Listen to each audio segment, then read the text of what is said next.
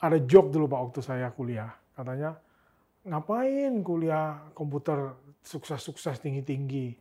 Toh kamu akan jadi anak buahnya orang ekonomi gitu katanya. Inilah Endgame. Hai teman-teman, hari ini kita kedatangan Leontinus Thomas Alva Edison, co-founder dari Tokopedia, dan mudah-mudahan kita bisa ngobrol panjang lebar mengenai masa kecilnya beliau dan masa depan Indonesia ke depan. Leon, thank you banget bisa datang. Sama-sama Pak, terima kasih sudah mengundang saya juga. Leon, saya mau tanya mengenai masa kecil Anda. Anda lahir di Pontianak. Pontianak, tanggal 19 Maret ya, Iya betul. Pisces, 1981 kan. Iya, Jadi sekarang usia 39. iya betul. Nah, waktu di Pontianak, sebelum ke Jogja, sekolah di Atmajaya, gimana tuh perjalanan hidup? Hobinya ngapain, nakal, atau apa, atau apa gitu? Oh ya, saya mungkin kalau nakal sih sedang-sedang Pak saya. Jadi eh, nggak terlalu yang bagaimana gitu, tapi saya juga nggak nggak terlalu lurus, apa nurut setiap saat itu nggak juga. Jadi ada ada belok-beloknya lah. Misalnya bolos untuk ngeband pernah. Oke, ngeband. Iya dulu Oke. kan ya orang tua saya juga perhatikan sangat perhatikan pendidikan jadi dari kecil memang Bagus. ibu saya guru saya pak Oke, ya, ibu saya guru SD, SMP, SMA, eh, universitas. eh, seingat saya sih SD dan SMP ya Oke. ya Eh, sama ibu saya ngajar matematika dan bahasa Inggris dulu Oke, bagus. ya jadi saya diajarin matematika dan bahasa Inggris sama ibu Oke. gitu nah jadi pendidikan diperhatikan eh, kemudian eh, apa namanya eh, saya eh, suka musik itu memang juga dari kecil Oke. nggak ada yang paksa sih pak memang suka aja gitu Main instrumen, nyanyi, atau apa? Em, lebih ke arah nyanyi ya pak ya main Oke. instrumen eh, otodidak otodidak tapi eh, sekedar sekedar bisa aja lah gitu nggak nggak sampai ahli Contohnya, instrumen apa? Eh, saya kalau keyboard gitu main akord ya boleh lah gitu. Oke. gitar juga main akord ya boleh lah. Yang penting bisa jadi pengiring, tapi nggak sampai serius banget. Nah, tapi saya memang saya ikut paduan suara tuh dari SD, Oke. Pak. Karena kan eh, sekolah Katolik ya, eh, biasanya kan pasti diajakin kan. Ayo yang Katolik harus ikut paduan suara. Tapi akhirnya eh, suka aja sih, jadi ikut terus gitu. Ya, jadi mulai serius paduan suara tuh SMP Oke. ya SMP. Jadi setiap minggu latihan dua kali, terus setiap hari minggu uh, paduan suara kita uh, pelayanan di gereja gitu. Oke. Terus makin serius lagi waktu kuliah di Jogja, terus di Jakarta sempat saya seriusin sedikit. Tapi waktu kecil tuh idolanya siapa? Walaupun saya nyanyi di paduan suara, tapi saya memang mengidolakan Bon Jovi, Pak. Oke. Ke- Kenapa nggak kayak Pavarotti atau Placido Domingo? Saya mengidolakan itu ke arah Bon Jovi-nya sih. Oke. Ya, kalau Kenapa? Yang yang bikin Bon Jovi itu beda dari yang lain-lain? ceritanya ya Pak ya, jadi Oke. saya baca-baca success story-nya dia itu lumayan ini. Misalnya contoh gini, dia waktu muda, waktu latihan musik itu di, dianggap tidak berbakat. Oke. Wah katanya ini anak apa orang tuanya dikasih tahu sama gu- gurunya katanya wah anakmu nggak berbakat gitu, Hmm.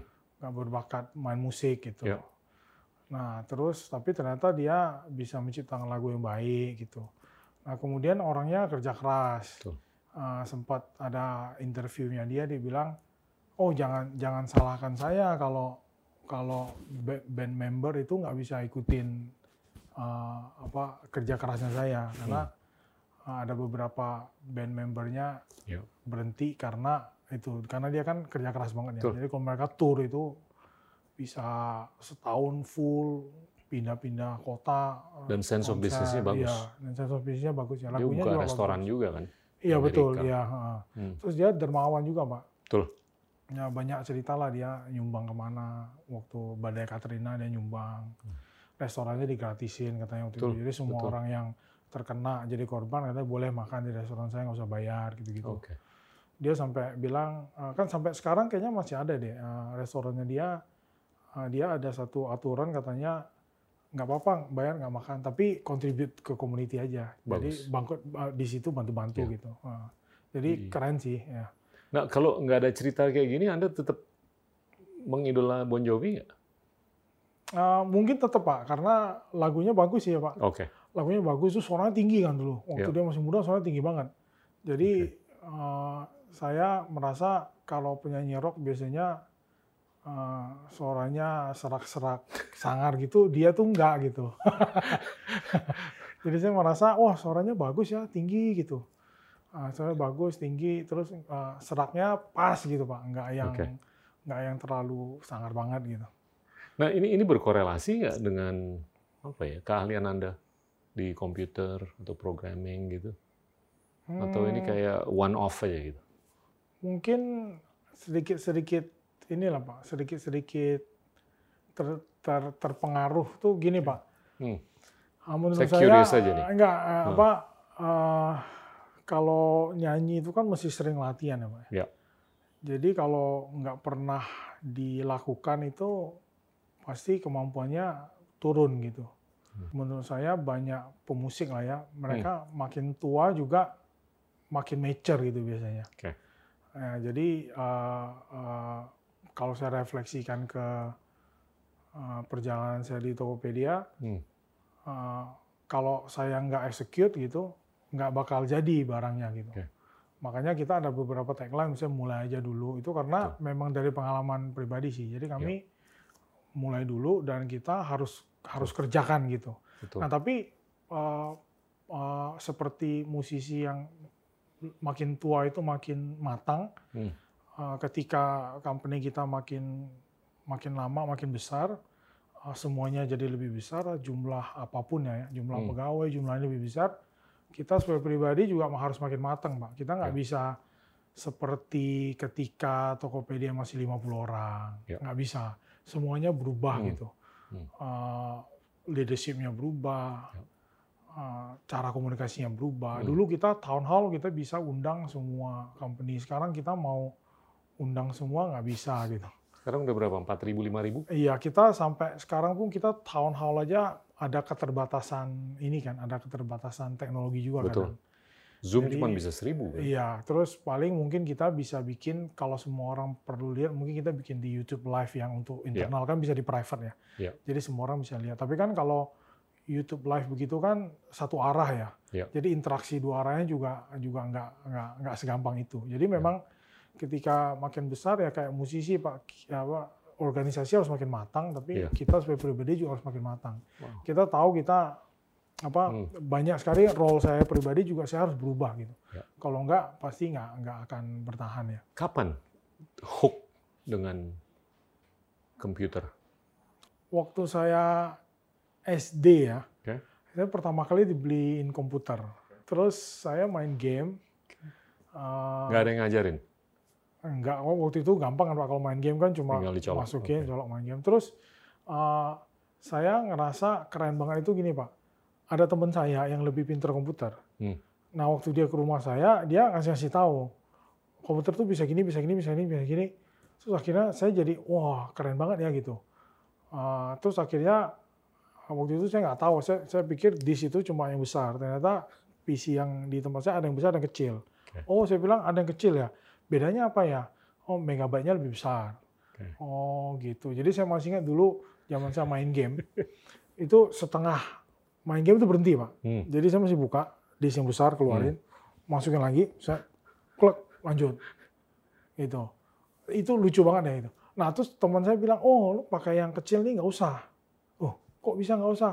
Oh karena uh, kapasitas storage-nya lebih besar. Oh gitu ya. Pas emang, oh iya bener loh. Satu. Dulu kan apa floppy disk kan? Iya, gede -gede gitu kan? floppy disk. Okay. Terus itu yang tiga tiga puluh lima hmm. ya disknya. Terus nggak berapa lama setelah itu uh, di di SM SM mulai SMP SMP kelas 3 gitu kan ada kelas komputer di sekolah. Yeah. Saya masih ingat guru komputernya ngajar bisa bikin lagu, Pak. Oke. Okay. Jadi katanya, oh kalau gini-gini bisa bikin lagu. Terus PR-nya adalah terserah kalian mau bikin lagu apa. Wah, udah nyambung. Iya, saya bikin lagu Bon Jovi waktu itu. oh, saya ketuk-ketuk, terus saya bikin, sen, sen, sen, sen. jadi itu. Kasih. Nah, itu saya ngerasa keren gitu. Terus satu lagi yang paling keren itu, uh, teman saya lagi, dia bilang, eh kamu tahu nggak, uh, sekarang tuh nggak usah pakai disk lagi. Oh, kena gimana? Dia bilang uh, pakai hard disk. Lu beli deh hard disk katanya. Hmm. Kalau Ini udah tahun Apa- 90-an nih. Iya, dia bilang Oke. colok hard disk itu nggak usah lagi floppy disk. Jadi semuanya bisa masuk situ. Apa gamenya bisa lebih dari satu, banyak lah gitu bisa main game. Terus beli hard disk pasang. Jadi saya di itu sih yang bikin saya ngerasa, oh Oke. ini komputer barangnya satu, tapi eh, setiap setiap saya ketemu teman saya ada aja yang baru gitu. Nah itu itu ya itu antara mulai sekitar kelas 6 SD sampai kelas 3 SMP itulah. Oke. Ya gitu. Terus coding yang serius pertama kali umur berapa? Oh, eh, terus terang sih kalau coding yang serius pertama kali di waktu kuliah. Oke. Ya, Jadi, jadi, sampai SMA tuh hanya game aja. ya ya ini game, Oke. hanya Oke. game. eh, tapi waktu waktu mau kuliah kan ditanyain sama orang tua juga mau mau apa nih jurusan Hmm. apa itu. Saya bilang kayaknya komputer ya. Kenapa? Ya karena pengalaman saya itu bisa main game apa.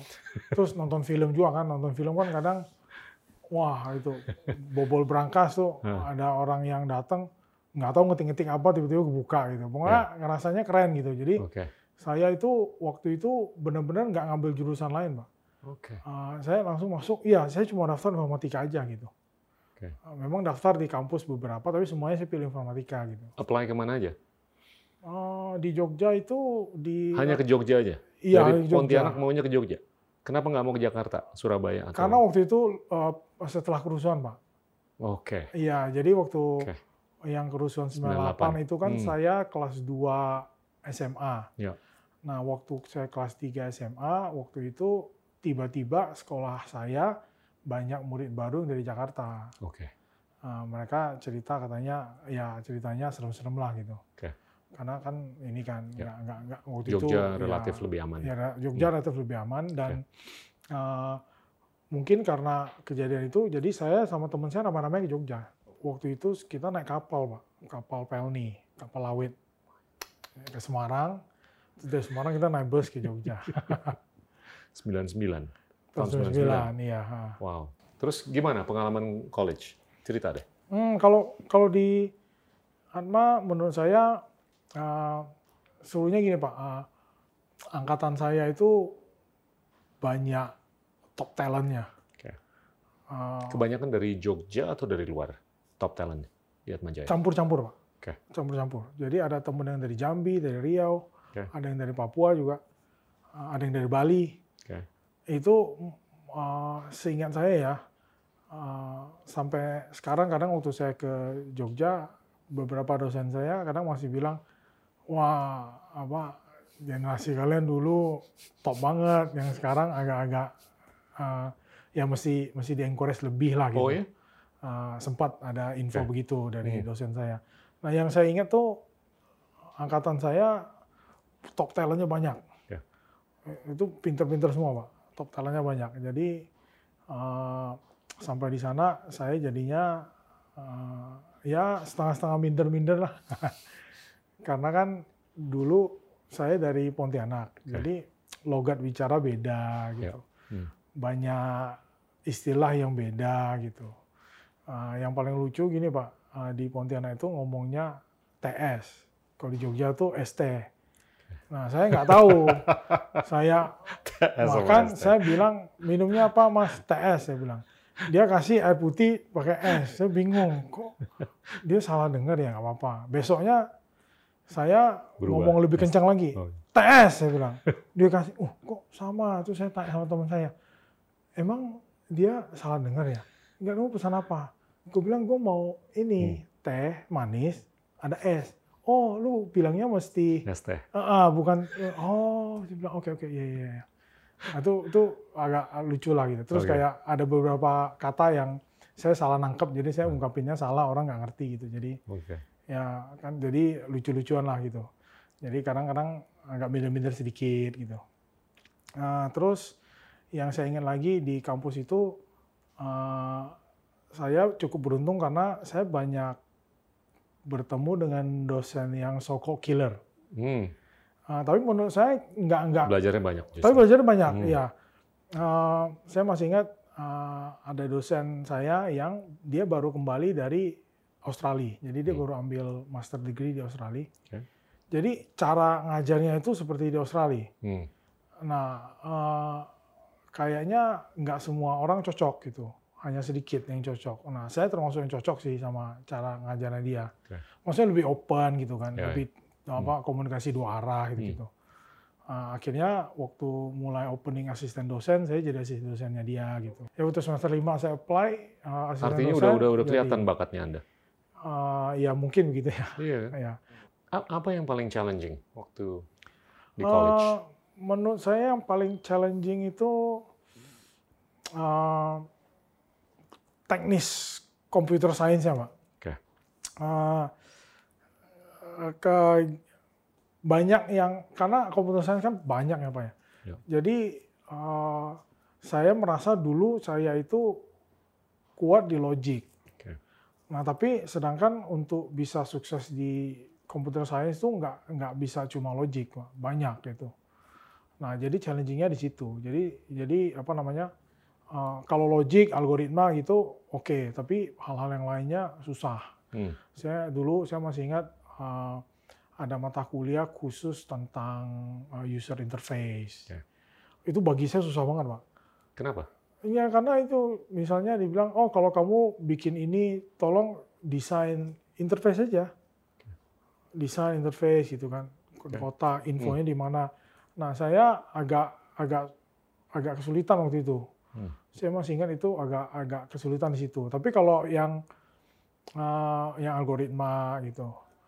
Nah, itu saya oke gitu, saya suka. Nah, jadi makanya saya ngerasa wah, yang ini saya nggak bisa gitu. Ini Hmm. saya nggak bisa gitu. Terus eh, apa namanya yang saya suka lagi itu ya software engineering lah, istilahnya rekayasa perangkat lunak. Nah Ya. itu oke, tapi banyak hal-hal lain yang terutama eh, hardware-nya apa perangkat keras itu saya nggak bisa. Oke. Saya ingat dulu ada lab perangkat keras, Hmm. wah itu saya paling susah lah menurut saya. Susah banget menurut saya itu itu susah gitu. Jadi saya ngerasa benar-benar teknis computer science itu sebenarnya susah. Itu. Tapi ya eh, untung kan kalau waktu kuliah kan kita bisa ambil jurusan yang kita suka kan. Jadi saya memang ambil eh, rekayasa perangkat lunak sih waktu itu gitu. Kapan mulai kepikiran untuk jadi apa ya entrepreneur waktu di universitas? Sebenarnya enggak pak, saya saya sama dan- sekali nggak? enggak. Pengen saya jadi karyawan aja. Iya, jadi Oke. eh, zaman dulu kan cita-citanya eh, jadi karyawan. Oke. Eh, kalau kita punya skill, Ya. terus kita kerja keras, pasti ada yang menghargai gitu. Ya. Jadi eh, ceritanya kita jadi entrepreneur itu kepepet, Pak. Kita entrepreneur karena kepepet, karena Ya. kita bekerja di company yang eh, setelah setelah sekitar satu setengah tahun kita Hmm. kerja di sana, kita ngerasa ini nggak ada masa depannya Ya. gitu. Jadi eh, saya ngobrol sama William, wah kita mesti ngapain nih? Kalau kita Hmm. nggak ngapa-ngapain, ya bisnis ini tutup, kita jobless gitu. Ya. Nah makanya dari situ baru kita mulai cari apa sih yang kita mau kerjakan Hmm. selanjutnya gitu. Ini nggak terpengaruh oleh dot-com crash tahun 2000? Itu kan waktu itu kan Hmm. melejit ke atas terus nyungsep ke bawah.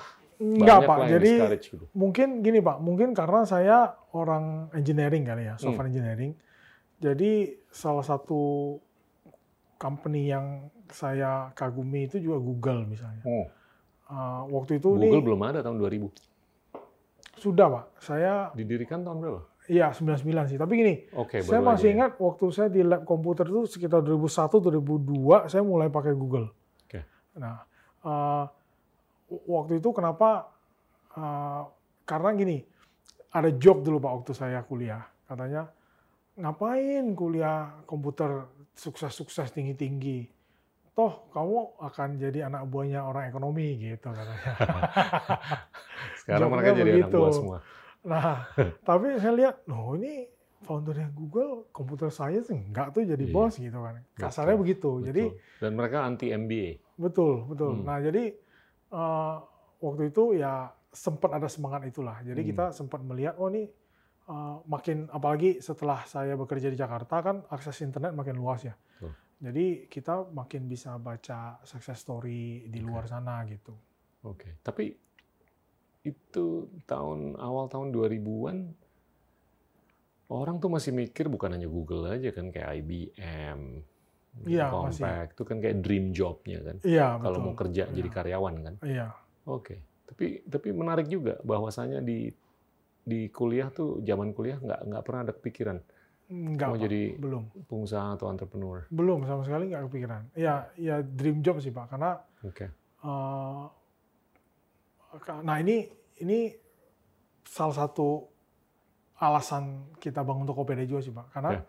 eh, kalau kita ngelihat zaman dulu kan Indonesia itu memang masalah utamanya adalah eh, peluang ya Pak ya. Hmm. Eh, tidak semua orang memiliki eh, eh, peluang yang sama gitu. Ya. Eh, contohnya kita lihat eh, di kota kecil ya di tempat saya di Pontianak, teman-teman saya yang ekonominya jauh lebih baik ada tapi nggak banyak. Ya. Nah biasanya mereka itu distributor tunggal dari eh, brand nasional lah gitu Hmm. atau brand internasional gitu. Betul. Uh, nah tapi untuk bisa begitu kan uh, semuanya biasanya bahasanya ke arah ya itu mesti ada modal besar dulu gitu. Hmm. Jadi memang uh, banyak pengalaman saya sendiri bahwa Ya. ya nggak pe- peluangnya sih kesempatannya tidak tidak Iya. tidak merata buat semua Iya. orang gitu. Nah makanya kita saya nggak pernah Anda mikirnya bermimpi. modalnya bakal gede aja ya Betul, mau jadi iya. pengusaha. Ya, jadi Hmm. karena nggak ada, jadi nggak nggak bisa. Jadi kita Ya. mimpi bagaimana untuk uh, yang realistis lah gitu. Ya. Jadi bekerja itu yang lebih lebih realistis ya. Gitu. Pengalaman apa di luar kampus yang bentuk Anda sebagai Hmm, pribadi dan pengusaha? pergaulan dengan uh, teman-teman kos. Oke. Jadi gini, saya uh, saya masih ingat dulu di Jogja memang ada beberapa kebiasaan ya Pak. ya. Beberapa kebiasaan itu orang-orang ngekos atau kumpul sesama orang satu daerah. Oke. Nah saya enggak Pak. Baur. Iya, jadi saya waktu itu eh, saya kan eh, Katolik ya, jadi saya kenal dengan satu bruder waktu itu. Oke. Dia kenalkan keponakannya di udah kuliah di Jogja. Nah keponakannya itu cariin saya tempat yang saya bukan kos tapi semacam semacam homestay. Jadi saya stay Oke. dengan keluarganya. Dan itu orang Jawa Tulen lah gitu. Oke. Nah kemudian karena agak jauh dari kampus, terus saya pindah. Hmm. Ah, Nah saya waktu pindah yang ke dekat kampus itu juga nggak kos. Jadi kita itu sama-sama sewa rumah Hmm. rumahnya ada lima kamar dan kita tinggal di situ dan semua orang yang apa lima orang yang Beda. itu beda semua dan kita benar-benar ketemunya pada saat kita lihat iklan sewa rumah itu jadi ada orang Lampung saya Random banget ya? random banget itu random banget Bagus. nah kemudian You yang believe in random theory? uh, I think sometimes random things can happen Iya. Ya, sometimes random things Hmm. can happen Terus? Uh, satu lagi Pak, itu waktu saya KKN lokasi di di Gunung Kidul di Pelayan. Itu sama juga itu random Pak.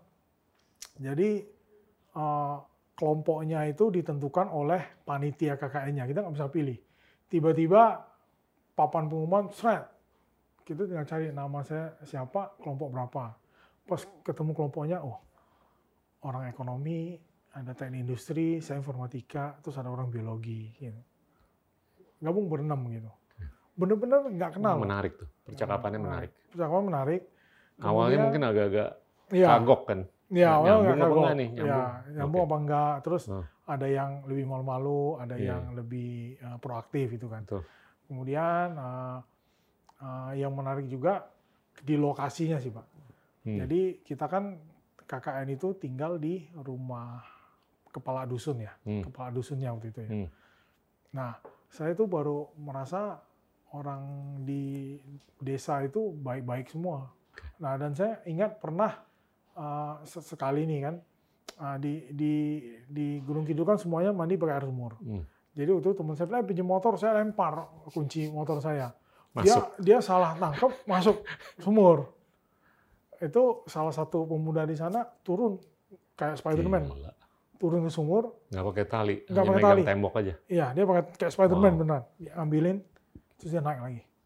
Uh, Terus Wow. bener-bener bantu aja gitu. Hmm. Jadi uh, uh, uh, menurut saya itu lumayan uh, membentuk karakter juga sih. Jadi saya jadi saya itu uh, banyak saya tuh dibantu orang random tiba-tiba dibantu itu banyak pak. Di atas. Iya betul itu Hmm. salah satu juga uh, dari uh, berkat Tuhan ya. Iya. Jadi itu benar-benar kita nggak direncanakan, nggak diapa-apakan, saya nggak pernah pikir, tapi setelah kejadiannya selesai, saya sering merenung, kok bisa ya gitu. Nah ini jawabannya cuma satu gitu. Ya memang ya. pasti ada campur tangan Tuhan membantu. Gitu. Lulus, terus kerja di mana? Saya kerja di... Nggak ada kepikiran mau ngambil S2 atau apa gitu? Enggak, Pak. Langsung Enggak. aja? Langsung. Hajar, kerja? Ya, jadi okay. waktu itu salah satu yang paling ngetop itu namanya Bali Camp. Hmm. Bali Camp itu waktu itu paling top banget. Nah, terus uh, om saya yang di Jakarta bilang, oh saya kenal sama uh, sama founder-foundersnya. Jadi saya disuruh interview lah di sana. Tapi tapi saya nggak dioper ke Bali Camp. Akhirnya saya di uh, nggak tahu ya mungkin kebutuhan mereka di Jakarta ya. Okay. Jadi setelah saya interview di Jakarta, saya keterima di Jakarta. Gitu. Okay. Nah, saya kerja di waktu itu salah satu uh, company yang grupnya Sigma Cipta Caraka sih. Okay. Ya, nah jadi uh, senior senior uh, IT Indonesia hmm. seperti Telkom gitu. Ya Pak Toto Sugiri, hmm. ya Bu Marina, terus hmm. ada Pak Cahyo, ada Pak Adres Ginting itu apa uh, petingginya Sigma yeah. itu uh, ya mentor dan guru saya juga lah. Uh, waktu itu masih belum Telkom, Pak. Yeah. Waktu saya masuk masih Sigma Cipta Caraka namanya. Okay. Ya. Di Jadi data saya di center ya waktu itu ya. Ya, uh, saya sebenarnya di divisi software, ada satu divisi okay. software ya. Okay. Ya, nah di situ saya juga termasuk belajar paling banyak tentang teknologi sih pak. Okay. Mentor-mentor teknologi saya juga di sana dari sana ya. Ada pengalaman-pengalaman unik di situ hmm. yang bentuk anda gitu untuk kayaknya semakin semakin nah, ketemu nih. Uh, ada pak pengalaman tapi mungkin uh, ngebentuknya itu tetap selalu perjalanan pak ya. Jadi ya. gini, saya itu dulu uh, waktu di sana kita itu sangat-sangat tidak suka dengan yang namanya manajer. Karena manajer kan bukan orang yang mengerjakan proyeknya. Uh, jadi kadang estimasinya itu meleset, estimasinya kurang tepat. Uh, ketika itu terjadi, yang paling sengsara kan engineer-nya, Pak. jadi yang paling sengsara engineer-nya. Saya masih ingat hari keempat saya kerja itu saya sudah bergadang sampai pagi nggak nggak pulang. Hari keempat pak. Senin Selasa Rabu Kamis. Jadi Rabu malam ini Kamis wow. Nah itu ya pengalaman lah gitu. Hmm. nah tapi itu juga yang bikin saya uh, bangun Tokopedia caranya begitu. Jadi hmm. waktu itu saya sama William itu suruh. nggak nggak suka. Suruh begadang semua. Iya nggak nggak nggak suka manajer. Jadi kita semuanya kita percaya terpa, kepada eksekutor. Hmm. Jadi kita cari semua orang yang tipenya execute. Yeah. Semuanya kerjain, kerja, kerja, kerja, kerja, selesai gitu. Hmm. Nah tapi kita juga mulai kena batunya ketika Tokopedia sudah mulai sekitar seratusan orang lah. Besar. Wah itu sudah mulai akhirnya kita baru Ini agak-agak mirip dengan Google. Gitu ya Pak? Di awal waktunya kan mereka kan... Oh ya, ya benar juga ya. ya. Bahkan sampai sekarang juga mereka masih agak-agak ogah gitu loh melihat MBA atau manager. Iya benar sih. Ya, nah itu benar-benar kita ngerasa chaotic banget waktu hmm. itu di Tokopedia. Uh, siapa pun bisa melakukan apa pun, ya. siapa pun boleh berinisiatif apa pun hmm. gitu. Akhirnya jadinya chaos. Jadinya modul yang sama dikerjakan oleh tiga tim berbeda gitu. Terus ide yang sama dikerjakan oleh tiga tim yang berbeda. Ujung-ujungnya, hmm. loh kan si ini udah, loh si ini udah, Just, makin chaos waktu itu. Okay ya itu yang bikin kita sadar bahwa memang posisi manajer dan leadership itu perlu sangat penting bahkan hmm. uh, menurut saya bahkan paling penting pak yeah. Ya. uh, saya banyak menyaksikan ya uh, saksi hidup nih pak saya pribadi ngerasa uh, banyak sekali leader-leader bagus di Tokopedia yang mereka benar-benar bisa transformasi tim yang tadinya moralnya jelek, ininya jelek, jadi ya, sangat bagus sekali. Penting. Bahkan ada yang uh, hard skill-nya itu bukan di situ. Hmm. Tapi karena dia leader yang sangat baik, efektif sekali. Ya. ya itu saya saksi mata saya melihat sendiri, wah itu keren gitu. Udah baca bukunya Satya Nadella nggak? Uh, saya sudah beli tapi belum baca. Oke, okay. itu dia ya saya udah pernah berapa kali ngomong mengenai ini. Lucunya itu dia apa sih memprioritaskan empathy. Iya, ya, betul betul. Ya, ya kan? Itu itu, itu saya, Dia nggak memprioritaskan software development kayak cloud ini itu ini itu empathy. Dan dia tiap minggu meeting senior seniornya hanya ngomong mengenai keluarga, hmm. terus mengenai anggota keluarga dan segalanya, gimana kita bisa kasih lihat empathy. dalam berapa tahun tuh harga sahamnya bisa naik kalau nggak salah tiga kali atau empat kali. Luar biasa. Penting Pak itu. Hmm, Posisi leader leader dengan leadership yang baik Iya. itu sangat-sangat penting Pak. Ya. Nah, dari Sigma sampai ke Tokopedia tuh lewat berapa perusahaan atau pengalaman? Ya, jadi saya waktu saya resign dari Sigma, saya join di company mobile content waktu itu. Hmm. Eh, diajak teman juga. Itu Oke. teman saya Startup atau Eh, sebagai zaman- karyawan? eh, sebagai karyawan. Oke. Eh, waktu itu memang mobile content kan ngetop sekali. Hmm. Eh, semuanya yang mobile itu keren lah. Semuanya eh, merasa mobile ini masa depan. Ya. Cuma bentuknya berbeda dengan mobile yang sekarang aja ya. Ini masih SMS ya? awal Masih 2000-an. SMS, Hmm. ya SMS dan MMS gitu. Hmm. Jadi dulu kan konten itu termasuk yang berharga Ya. dan cara distribusi yang waktu itu paling cepat dan efektif itu dari SMS gitu. Nah, jadi saya masuk ke situ, eh, eh, kemudian nggak berapa lama saya saya keluar dari situ Eh, karena eh, om saya sendiri ternyata saya baru tahu eh, om saya sendiri itu mau bikin bisnis mobile content juga. Tapi waktu itu bisnisnya syaratnya itu tidak gampang. Jadi tidak semua company dengan gampangnya mendapatkan shortcut. Jadi eh, company-nya harus bisa membuktikan traffic-nya cukup tinggi, baru perusahaan telco mau kasih shortcut. Karena wajar sih, karena terlalu banyak kan Betul. juga pusing ya. Jadi lebih baik terbatas, tapi ketika kasih kan harus keluarin resource kan. Server segala macam. Nah, tapi itu berharga gitu. Hmm. Nah, jadi eh, ternyata eh, perusahaan om saya itu istilahnya nebeng shortcut dengan company saya. Oke.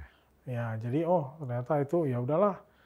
Dia ajak saya dia bilang mau nggak bantu-bantu keluarga lah apa saya bilang aduh saya awalnya eh, eh, agak ragu gitu tapi akhirnya ya udahlah saya bilang nggak apa-apa lah saya berhenti terus saya bantu gitu Berapa lama?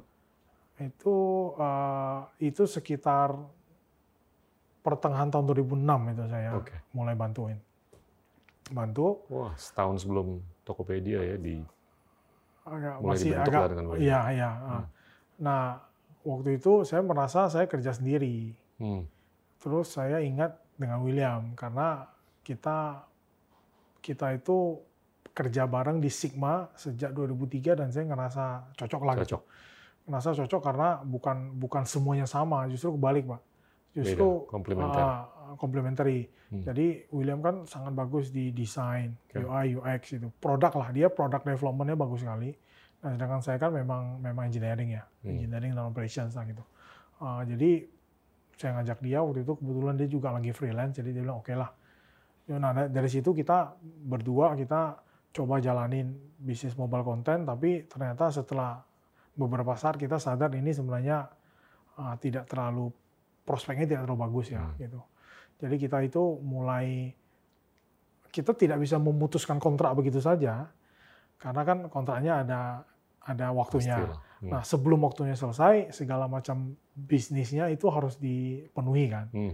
Minimum komitmen revenue ke telco harus dipenuhi. Jadi kita masih tetap kerja supaya ruginya tidak banyak, tapi Oke. di sela-sela itu uh, waktu pikiran dan tenaga kita kita kerahkan untuk memikirkan apa lagi yang akan kita lakukan selanjutnya. Oke. Nah, di sela-sela ngobrol itulah kita cerita tentang keadaan di kota kecil, kesempatannya tidak banyak, sebagai entrepreneur juga. William nggak dari kota kecil kan? Iya, William dari Pematang Siantar, Pak. Sebenarnya lebih kecil dari Pontianak. Wow. Pontianak itu masih ibu kota provinsi. I didn't know that. Ya, Oke. William dari Siantar itu lebih kecil Oke. lagi, karena ibu kota provinsinya Medan. dari kan. Medan, tapi dari Pematang Siantar. Iya, William dari Pematang Wow. Siantar, ya. Oke. Nah, Oke. tapi itu lebih kecil Lebih lagi. kecil daripada lebih kecil daripada Pontianak. Nah, Ya. dari situ dia cerita, oh iya, keluarga-keluarga saya ya toko kelontong. Oh iya bener, toko kelontong. Ya dari situ kita dapatin benang merahnya pak. Benang merahnya itu gap of opportunity. Jadi peluangnya, Iya. me- ah, kesempatannya memang tidak merata ya. Iya. gitu. Sebagai pedagang atau entrepreneur, sebagai konsumen juga sama, tidak merata. Sampai sekarang aja pak, barang masih banyak lebih mahal di Pontianak pak. Apa pun, mau aqua aja kadang Iya. satu gelas itu Kecuali kalau beli dari. Tokopedia kan. Ya, begitu. Betul Pak, itu betul. Inilah Endgame. Di episode Endgame berikutnya.